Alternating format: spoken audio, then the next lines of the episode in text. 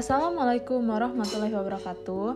Hai, perkenalkan nama saya Meliza Octavia, NPM 2013 2010 46. Di sini saya dari prodi Ilmu Kesehatan Masyarakat, Fakultas Ilmu Kesehatan.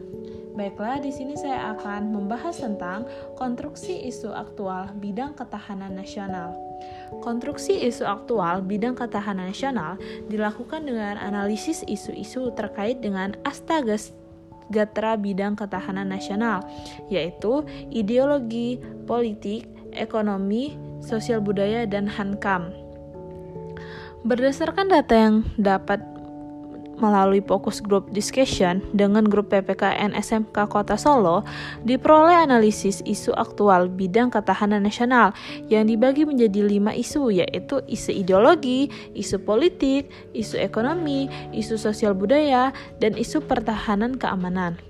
Pertama, isu ideologi. Isu ideologi dilihat dari berbagai macam ancaman ideologi negara. Peserta FGD mengidentifikasi beberapa ancaman yang dikategorikan sebagai ancaman potensial dan ancaman faktual. Ancaman faktual terhadap ideologi adalah bahaya yang mengancam suatu negara, namun tujuan dan ancaman tersebut maksudnya tidak jelas.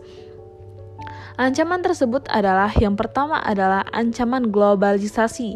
Melalui globalisasi ini, nilai-nilai yang berasal dari negara lain ikut masuk ke terhadap negara dan dapat mempengaruhi pandangan, dan pemikiran masyarakat terhadap ideologi negara. Ancaman potensial di bidang ideologi berkenaan dengan pola pikir dalam berbangsa dan bernegara yang cenderung dapat dipengaruhi oleh pemikiran dan pandangan dari negara lain yang tak jarang bertentangan dengan norma masyarakat. Yang kedua yaitu adalah ancaman kelompok radikal. Radikalisme dan gerakan Terorisme merupakan ancaman faktual, berbeda dengan ancaman potensial, yaitu ancaman yang muncul akibat dendam lama yang kembali mengemuka sehingga menimbulkan bahaya yang serius. Contohnya, nyata adanya ISIS yang menyebarkan ideologinya dan tidak menutup kemungkinan dapat menggoyahkan ideologi Pancasila. Yang ketiga yaitu ancaman dunia digital. Tersebarnya berbagai macam berita hoax yang isinya menebarkan kebencian juga merupakan salah satu ancaman yang serius bagi generasi muda. Adapun juga yang keempat. Yang keempat ini adalah konsisten atau ke keejagan. Hal ini terkait dengan contoh teori prosedur, dan prinsip yang lainnya, sebagaimana yang dapat dimaklumi bahwa setiap mata pelajaran memungkinkan memiliki sudut pandang yang beragam. Keberagam referensi perlu diperdalam guna menghindari munculnya pemahaman yang keliru tentang materi yang dipelajari. Kelima, edukasi atau kecukupan. Materi yang diajarkan hendaknya cukup memadai dalam membantu siswa dalam menguasai suatu kompetensi. Materi tidak boleh terlalu sedikit dan tidak boleh terlalu banyak.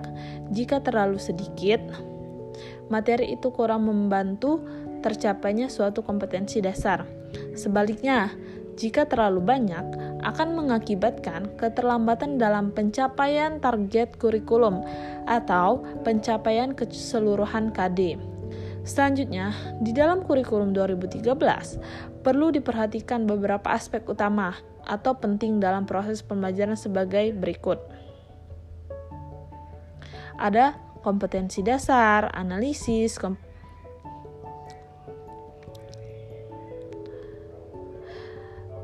yang terakhir yaitu ada kemungkinan yang kelima. Yang kelima, kita dapat melihat lagi di aspek sebelumnya itu. Dari aspek sebelumnya itu, kita dapat menyimpulkan bahwa yang kelima atau berdasarkan uh, pengetahuan masyarakat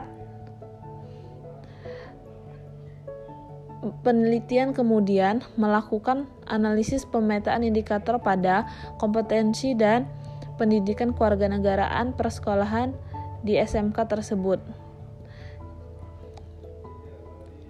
Selanjutnya, yang telah yang saya paparkan tadi, kita dapat menyimpulkan Pertama, deskripsi pendidikan keluarga negaraan berdasarkan isu aktual bidang ketahanan nasional, yaitu tentang isu-isu ideologi, politik, ekonomi, sosial budaya, dan pertahanan keamanan, berupa kajian pemetaan kompetensi dasar yang terjemahkan menjadi indikator.